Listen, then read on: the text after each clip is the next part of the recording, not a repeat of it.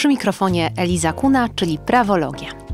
O czym będziemy rozmawiać? O codziennych prawnych problemach, z którymi styka się znaczna część słuchaczy, a o których z powodu pogoni za newsem nie słychać w tzw. Tak mediach tradycyjnych. Jestem prawniczką, adwokatem, pracodawczynią i staram się w przystępny sposób wyjaśniać zawiłe tematy prawne. Zazwyczaj ten podcast prowadzi ze mną Jan, który jest dziennikarzem i współtworzy ten program razem ze mną. Dziś go tu nie ma, ale nadal jestem tu dla Państwa i dzięki Państwu. Staramy się robić ten podcast profesjonalnie, tak by był pomocą dla wielu osób, których nie stać na poradę prawną. Jeśli zatem nasz skromny program umili Państwu czas lub pomoże w przejściu przez postępowanie sądowe, to niezmiennie zachęcamy do wsparcia nas na platformie Patronite www.patronite.pl ukośnik prawologia. Zachęcam też do śledzenia moich profili na portalach społecznościowych, w tym na Instagramie. A dzisiaj nagrywamy w studiu Nagrywarka. Zaczynamy. Dzisiaj porozmawiamy o tym, czym jest zachowek. Zachowek to takie pojęcie, które często pojawia się przy okazji postępowań spadkowych i budzi grozę i lęk wśród osób, które nabędą spadek bądź nabyły ten spadek na podstawie testamentu lub darowizny. Powiemy sobie o tym, czym jest zachowek, czy zawsze trzeba go płacić, czy koniecznie w przypadku żądania zachowku musimy iść do sądu oraz czy są sytuacje, w których ten zachowek nie jest należny, no i komu w ogóle przysługuje. Zatem zaczynamy. Zachowek jest dość złożoną instytucją prawa spadkowego. E, oznacza on tyle, że jest to taka instytucja, która chroni potencjalnych spadkobierców ustawowych. Omówmy sobie prosty przykład. Matka ma dwóch synów. Jeden z tych synów został uposażony w całości w testamencie, to znaczy, Wskutek spadkobrania z testamentu nabył cały dom, który należał do tej matki. W sytuacji, gdyby nie było zachowku, ten drugi syn czułby się bardzo pokrzywdzony. To znaczy, nie dość, że matka pominęła go pod kątem emocjonalnym, to jeszcze w dodatku nie zapisała mu, jak mówimy potocznie zapisała, czyli nie odziedziczył po niej żadnego majątku. I wtedy z pomocą przychodzi właśnie instytucja zachowku. E, zachowek to jest roszczenie pieniężne, które ten, nazwijmy to umownie, pokrzywdzony brat ma w stosunku do nabywcy spadku. E, I takie roszczenie e, ten brat może zgłosić pod warunkiem właśnie, że ten spadek z testamentu został nabyty. Jak takie roszczenie zgłosić? Oczywiście roszczenie może być, e, roszczenie, czyli to oczekiwanie wypłaty zachowku, może być zgłoszone w każdej dowolnej formie. Na początku można zacząć od ustnej rozmowy z bratem. Natomiast jeśli taka rozmowa nie poskutkuje wypłatą zachowku, e, to oczywiście należy go wezwać na piśmie. W sytuacjach skrajnych, czyli w takich, w których wchodzę ja, czyli pojawia się adwokat, należy wystąpić z postępowaniem sądowym. Zachowek jest e, postępowaniem, które. Mm, postępowanie o zachowek jest właściwie dość prostym postępowaniem z punktu widzenia e, sądu cywilnego, ale niestety takim, które nastręcza pewnych trudności organizacyjnych, proceduralnych i kosztowych. Dlaczego? Dlatego, że należny zachowek to jest połowa tego, co spadkobierca by dziedziczył, gdyby doszedł do spadkobrania, czyli gdyby był tym spadkobiercą ustawowym. Wróćmy do naszego przykładu. Mamy mamę Janinę, która umiera i dwóch synów, Kaina i Abla. Uposaża tego syna Abla, właściwie lepiej byłoby tę mamę nazwać Ewą, mm, i Abel nabywa cały dom. Więc Kain jest wściekły. Gdyby nie było tego testamentu, to przecież Kain nabyłby połowę domu i Abel nabyłby drugą połowę. Ponieważ zachowek jest połową tego, co przysługiwałoby Kainowi, w związku z tym Niejako Kain może od Abla żądać 25% wartości domu. Czyli jeśli nasz dom jest wart 500 tysięcy złotych, Kain może w stosunku do Abla wystąpić o zapłatę kwoty 125 tysięcy. Komu przysługuje taki zachowek? On nie przysługuje wszystkim możliwym potencjalnym krewnym, ale tylko tym spadkobiercom ustawowym, którzy wskutek właśnie testamentu albo dokonanych wcześniej darowizn zostali pominięci w spadkobraniu, bądź ich udział spadkowy jest mniejszy przez właśnie te testamenty i darowizny i są w kręgu najbliższych krewnych tego spadkodawcy, czyli naszej Ewy. Na przykład dzieciom, wnukom, prawnukom, małżonkowi oraz rodzicom. To oznacza, że nie każdy potencjalny spadkobierca może się o ten zachowek ubiegać, tylko najbliższa rodzina. Co się dzieje dalej? Kain wysyła prośbę do Abla. Drogi Ablu, wypłać mi należne mi 125 tysięcy złotych. A Abel jego list wkłada sobie między półki z książkami. W związku z tym Kain musi wystąpić z postępowaniem sądowym. I tu zaczyna się rola prawników i adwokatów oraz cała trudna procedura, z którą klienci często zgłaszają się do e, prawników i do sądów. Dlaczego ona jest skomplikowana? Otóż z kilku powodów. Po pierwsze, dlatego, że wymaga uiszczenia opłaty sądowej. Ponieważ jest to tak zwane roszczenie pieniężne, czyli kwota należna do zapłaty, nie ma tu zbyt szczególnych preferencji co do opłat sądowych, czyli nie ma takich zryczałtowanych, niższych opłat, o jakich mówiliśmy sobie przy poprzednich odcinkach w przypadku spraw rodzinnych. Opłata w sprawach o zachowek wynosi 5% wartości przedmiotu sporu.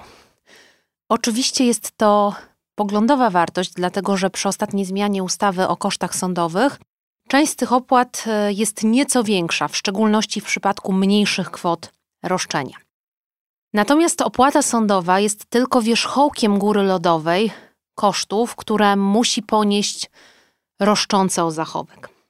Dlatego, że postępowanie o zachowek najczęściej wymaga przeprowadzenia dowodu z opinii biegłych. Jeżeli tak jak w naszym przypadku, w składzie spadku objętego testamentem jest tylko jedna nieruchomość, wtedy dużo łatwiej taką nieruchomość wycenić, dlatego że mamy tylko i wyłącznie biegłego do wyceny tej nieruchomości. Ale już dzisiaj, w realiach warszawskich, koszt wyceny jednego biegłego, jednej wyceny jednej nieruchomości, to jest między 5 a 6 tysięcy złotych. Oczywiście, tak jak e, była mowa w poprzednich odcinkach podcastu, postępowania sądowe, szczególnie w Warszawie, ale w innych miastach także, trwają niebotycznie długo. Na pierwszy termin rozprawy czeka się 9 miesięcy, niekiedy do roku, a w sprawach frankowych nawet 2 lata. To oznacza, że niekiedy te opinie tracą na aktualności i jeżeli wycena była dokonywana na początku postępowania, a postępowanie z jakichś przyczyn się komplikuje, chociażby choroby stron, zmiany sędziego, czy też wniosków dowodowych, które składają strony, bądź zastrzeżeń do opinii biegłego, może to powodować dalsze reperkusje finansowe. To znaczy, że w przypadku takiej sprawy musimy wnosić o nową opinię rzeczoznawcy, czyli powołać kolejnego biegłego lub poprosić tego samego biegłego o drugą opinię lub aktualizację dotychczasowej opinii. To także koszt kilku tysięcy złotych. Ale to jeszcze nie wszystko. Ten, który wnosi o zachowek, najczęściej korzysta z pomocy prawnej adwokata. Przeciętne stawki adwokackie można zweryfikować w rozporządzeniu ministra sprawiedliwości. To oznacza, że takie minimalne stawki, które każdy adwokat jest zobowiązany uwzględnić w swoim honorarium, są zależne od wartości przedmiotu sporu, czyli właśnie od tego zachowku, o który się ubiegamy. I teraz, jeśli okaże się, że na przykład ten zachowek to kwota 50 e, tysięcy złotych, no to te koszty adwokackie wynoszą już kilka tysięcy złotych. Jeśli zaś e, wygramy tę sprawę, to koszty adwokackie zostaną nam zwrócone. Ale jeśli okaże się, że nasze roszczenie o zachowek było tak zwanym roszczeniem przestrzelonym, czyli zażądaliśmy 100 tysięcy, a należne nam było tylko 50, wtedy tak naprawdę po części pozostaniemy z poniesionymi kosztami, dlatego że w razie przegrania i wygrania sprawy w połowie sąd rozdzieli koszty postępowania między strony, czyli każda ze stron w tym przypadku Kain musi zapłacić za swojego adwokata, Abel za swojego. Opinia rzeczoznawców będzie podzielona na pół, a także inne koszty w postaci opłat sądowych będą w taki roz sposób rozliczone, że każdy z nich poniesie mm, koszty tej opłaty w części, w jakiej wygrał bądź przegrał proces. Jaki z tego wszystkiego płynie wniosek? Otóż taki, że warto próbować porozumiewać się w sprawach o zachowek na etapie przedsądowym, dlatego że w większości przypadków ten zachowek jest po prostu należny. Jest jednym z niewielu świadczeń mm, w polskim systemie prawnym, które można by było nazwać gwarantowanymi, czyli takimi, które się naprawdę spadkobiercą pominiętym w testamencie czy we wcześniejszych darowiznach, czy niejako pokrzywdzonym wskutek tych darowizn należą. I nie zawsze warto prowadzić, szczególnie z perspektywy tego zobowiązanego do wypłaty zachowku, nie warto prowadzić krwawy i długoletni spór o ten zachowek. Dlaczego? Dlatego, że będziemy obciążeni nie tylko kosztami sądowymi, adwokackimi i kosztami biegłego, ale również odsetkami za cały czas trwania procesu. Odsetki w obecnej sytuacji rynkowej, czyli galopującej inflacji, zmiany wartości pieniądza w czasie, wynoszą kilkanaście procent w skali roku. Przy założeniu, że przeciętne postępowanie o zachowek w Warszawie trwa od 2-3 lat, do kwoty roszczenia Kaina przeciwko Ablowi 125 tysięcy złotych możemy śmiało doliczyć jeszcze kolejne 50 tysięcy złotych za te 3 lata procesu, wypłacone jako odsetki właśnie za zwłokę z wypłatą roszczenia. Nadto także wzrost wartości nieruchomości w czasie może grać na niekorzyść e, tego zobowiązanego, dlatego że biegły zawsze będzie brał pod uwagę aktualną wartość tej nieruchomości w przypadku wyceny jej na potrzeby postępowania o zachowek. Oczywiście w postępowaniu o zachowek jest bardzo wiele niuansów, które mogą mieć znaczenie dla wysokości należnego zachowku. Choćby udział spadkowy, który nabył Kain, bo być może coś uzyskał jednak wskutek spadkobrania, czy też na przykład drobne darowizny, które były czynione wobec niego wcześniej e, przez rodziców czy przez mamę, a także e, na przykład koszty kształcenia, które też mogą ewentualnie pomniejszać ten należny zachowek.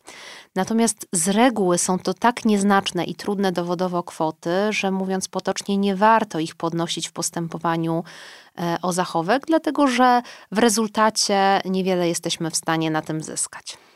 Dlaczego postępowania o zachowek budzą tak wiele emocji? Otóż dlatego, że istnieją pewne triki czy sposoby, aby wypłaty tego zachowku uniknąć. Takim najczęściej i najprościej stosowanym jest umowa dożywocia pomiędzy rodzicem a dzieckiem, e, jeżeli ten rodzic chce uposażyć e, dziecko. Wróćmy zatem do e, sytuacji Ewy i jej ukochanego syna Abla. Otóż Ewa chce, by po jej śmierci właścicielem całego mieszkania stał się Abel. Ale uważa, że Kain nie jest na tyle złym synem, że istnieją podstawy do tego, aby pozbawić go zachowku. Zatem nie chce dokonywać wydziedziczenia w testamencie, bądź uważa, że to wydziedziczenie będzie nieskuteczne. Wydziedziczenie, czyli pozbawienie prawa do zachowku. W związku z tym Ewa i Abel myślą, co zrobić, aby jednocześnie nieruchomość stała się własnością Abla, a jednak nie było potrzeby przechodzenia przez trudny, wieloletni proces o zapłatę zachowku, który może e, skutkować no, pomniejszeniem tego majątku, który Abel uzyskał. Otóż często bywa tak, że Ewa z Ablem może zawrzeć tak zwaną umowę dożywocia, czyli umowę przeniesienia własności nieruchomości w zamian za opiekę. Oznacza to tyle, że już za życia Ewa wyzbywa się własności swojego mieszkania i przestaje być jego właścicielką, ale Abel w umowie dożywocia, która musi być z uwagi na to, że dotyczy nieruchomości sporządzona w formie aktu notarialnego, Mówi w ten sposób: Ja ci, mamo Ewo, zapewnię wikt, opierunek, opłacę twój czynsz, wspomogę cię w wyżywieniu oraz w kosztach leczenia, czyli będę się tobą opiekował i pokrywał koszty twojego utrzymania. W ten sposób coś, co z pozoru by się wydawało darowizną, czyli przekazaniem mieszkania od Ewy na rzecz Abla, staje się de facto tak zwanym świadczeniem ekwiwalentnym. Mówimy w prawie o świadczeniu ekwiwalentnym wtedy, kiedy w zamian za jedno przysporzenie druga strona transakcji otrzymuje inne przysporzenie. I tu mamy właśnie do czynienia z taką sytuacją, kiedy to mieszkanie przekazane Ablowi jest ono przekazane nie za darmo, nie bez żadnego wynagrodzenia, tylko w zamian za opiekę, która to opieka, pokrywanie różnych kosztów ma swój ekwiwalent finansowy. W orzecznictwie czyli w wyrokach sądu od wielu lat przyjmuje się, że właśnie tego rodzaju umowa dokonana za życia pomiędzy spadkodawcą a potencjalnym obdarowanym, bądź spadkodawcą a potencjalnym spadkobiercą, czy też między po prostu osobą, której chcemy taką nieruchomość przekazać, jest właśnie z uwagi na ekwiwalentność świadczeń zwolniona z zachowku. Czyli w sytuacji naszej rodziny, czyli matki Ewy, Kaina i Abla, w przypadku gdyby Ewa wraz z Ablem podpisali za życia umowę dożywocia, Kain może się obejść tylko smakiem. Nie dostanie ani mieszkania, ani zachowku. Oczywiście bardzo wielu seniorów nie chce się wyzbywać nieruchomości za życia, ponieważ chcą mieć to poczucie, że dożywają końca swoich dni w swoim domu bądź mieszkaniu. Dlatego nadal umowy dożywocia nie są powszechnie stosowane w praktyce, stąd e, właśnie z uwagi na testamenty bądź darowizny dokonane na rzecz jednego członka rodziny czy krewnego, tak powszechne są postępowania o zachowek. Postępowaniach o zachowek e, bardzo e, interesującym wątkiem są też wyceny innych składników majątku, które nabywają spadkobiercy. Dlatego, że trzeba pamiętać o tym, że zachowek jest należny z całej wartości spadku. E, tak jak wspomniałam, najczęściej jest to jedna druga tego, co by przysługiwało spadkobiercy uprawnionemu do zachowku, ale nie zawsze tak jest, bo w przypadku spadkobiercy niepełnosprawnego bądź małoletniego ten zachowek może wynosić nawet dwie trzecie wartości tej części spadku, której nie nabył właśnie wskutek testamentu na innego członka rodziny. Dlaczego mówię o tych innych składnikach majątku? Bo czasem w swoim e, zapatrzeniu i rządzy pieniądza, i rządzy tego zachowku, osoby o niego wnoszące wskazują na szereg różnych drobnych składników majątku, takich jak zastawa stołowa, widelce, noże, łyżeczki czy dwudziestoletnie samochody. Jakie to powoduje konsekwencje? Otóż daleko idące konsekwencje finansowe i wzbogacenie się biegłych sądowych, którzy występują w takiej sprawie. Dlatego, że sąd z reguły nie polega na wartościach wskazanych przez jedną stronę. Jeśli strony są niezgodne co do tego, jakie wartości prezentują poszczególne składniki majątku, sąd jest zobowiązany powołać biegłego do wyceny tych ruchomości. Taki biegły jest trochę konsultantem, który z naszego zegarka mówi, która jest godzina. To znaczy, bierze tę łyżeczkę albo tę zastawę Rosenthala, wpisuje na OLX albo w Allegro, w jakiej cenie są takie zastawy Rosenthala na portalach aukcyjnych, a potem w swojej opinii, załączając screeny z portali aukcyjnych, zgodnie ze swoim profesjonalnym osądem, szacuje wartość tych łyżeczek i zastaw. I wszystko byłoby w porządku, gdyby nie to, że najczęściej te opinie biegłych są bardziej kosztowne aniżeli nasze zastawy z. Dlatego nie warto w swoim e, dążeniu do zaspokojenia słusznych roszczeń finansowych być zbyt dokładnym i szczegółowym, dlatego że spowoduje to nie tylko wieloletnie trwanie postępowania i przedłużenie go do niebotycznych rozmiarów, konieczność wielokrotnej aktualizacji opinii biegłych, ale spowoduje no, wielotysięczne koszty finansowe, które w ostateczności obciążą e, obie strony postępowania. Tak bywa najczęściej, dlatego że z reguły roszczenie o zachowek nie jest e, w 100% zgodne z tym, co sąd finalnie w wyroku zasądzi. Mam nadzieję, że ten odcinek przybliżył wszystkim osobom, które e, stoją przed dylematem żądania zachowku bądź też wypłaty zachowku, ideę tej instytucji, a także tego, jak rozwiązać tę sytuację. Oczywiście niezmiennie, tak jak we wszystkich odcinkach mojego podcastu, zachęcam do korzystania z dróg ugodowych, mediacyjnych czy jakichkolwiek form pozasądowego rozwiązania tego sporu. Zwrócę uwagę tylko na fakt, że sam zachowek jako e, roszczenie finansowe nie jest e, konieczny do przeprowadzenia w formie aktu notarialnego czy postępowania sądowego, dlatego że nawet zwykła forma pisemna czy choćby przelew z dobrym opisem wystarczy, aby to roszczenie zaspokoić i odpowiednio udokumentować. Mam nadzieję, że ten odcinek był dla Was pomocą. Niezmiennie zachęcam Was do e, korzystania e, z platformy Patronite celem wsparcia naszego podcastu oraz do śledzenia kolejnych odcinków Prawologii zarówno na Spotify, Apple Podcasts i YouTube.